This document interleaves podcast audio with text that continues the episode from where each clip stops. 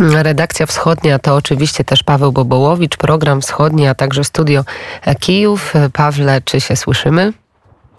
Dzień dobry Magdo, dzień dobry Dmytrze, dzień dobry Państwu. Tak, oczywiście słyszymy się. To na początek jeszcze, zanim zapowiemy tę informację e, istotną i ważną, to y, chciałabym się Ciebie zapytać o te informacje, które e, płyną do nas z New York Timesa. Ukraina korzystała z danych wywiadu USA, by zaplanować kontrofensywę. To są te najnowsze informacje. Jak je się komentuje na Ukrainie? No, na Ukrainie nie ma wątpliwości, że ta współpraca ze Stanami Zjednoczonymi jest bardzo bliska i e, Ukraina nie zaprzecza e, tej współpracy, wręcz przeciwnie, chwali się tą współpracą, oczywiście głównie pokazując współpracę w zakresie dostarczania e, broni. A eksperci od dawna mówią, że Ukraina może korzystać z danych wywiadowczych, też danych dotyczących zabezpieczenia radarami. To też umożliwia na przykład wczesne wykrywanie ostrzałów Ukrainy i skuteczne przecież jak na tę skalę e, przeciwdziałania rosyjskim atakom rakietowym. My słyszymy o tych uderzeniach, bo one zawsze powodują e, tragiczne skutki, ale jednocześnie trzeba powiedzieć, że tych rakiet e, do ukraińskiego terytorium dolatuje zdecydowanie mniej niż mogłoby dolecieć i niewątpliwie jest to też efekt współpracy, współdziałania, dostarczania danych z, z zabezpieczenia elektronicznego i też danych wywiadowczych. Mm, to, y, to te informacje do nas napływają, ale powiedz, y, co udało się nam nagrać jako radio wnet i co po 9.30 będziemy mogli usłyszeć w Twoim programie.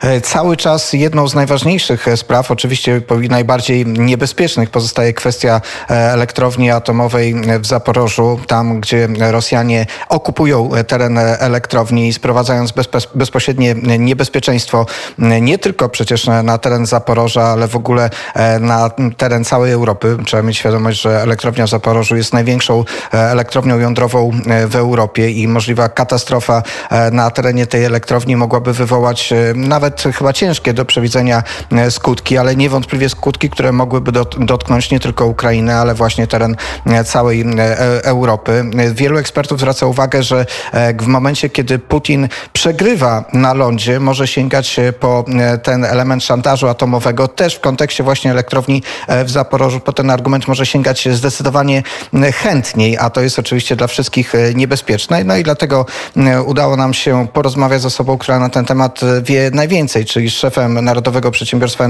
Energetyki Jądrowej Energoatom na Ukrainie, z prezesem tego przedsiębiorstwa Petro, Petrem Kotinem. E, to osoba i przedsiębiorstwo, które odpowiada za energetykę e, jądrową i co najdziwniejsze być może, czy może najbardziej e, zaskakujące w tej całej sytuacji, przecież jest to przedsiębiorstwo ukraińskie, które w sytuacji okupacji elektrowni jądrowej przez rosyjską armię nadal zabezpiecza tę elektrownię, nadal E, działa tak, żeby e, ta elektrownia pozostawała bezpieczna. O kwestiach właśnie, jak wygląda praca, jak wygląda stan tej elektrowni, jak wyglądają e, rosyjskie ostrzały, co z tym można zrobić, jakie są możliwe scenariusze, rozmawiała nasza dziennikarka Daria Hordijko i ta rozmowa będzie dzisiaj wyemitowana, tak jak powiedziałaś, po godzinie 9.30 w raporcie z Kijowa. Bardzo serdecznie Państwa zapraszam, bo to jest bardzo ważny element tej wojny, no, element, który niestety też bezpośrednio wpływa na nasze bezpieczeństwo. No, oczywiście zapraszamy Państwa do wysłuchania tej rozmowy. Ja już Wam dziękuję. Paweł Bobułowicz i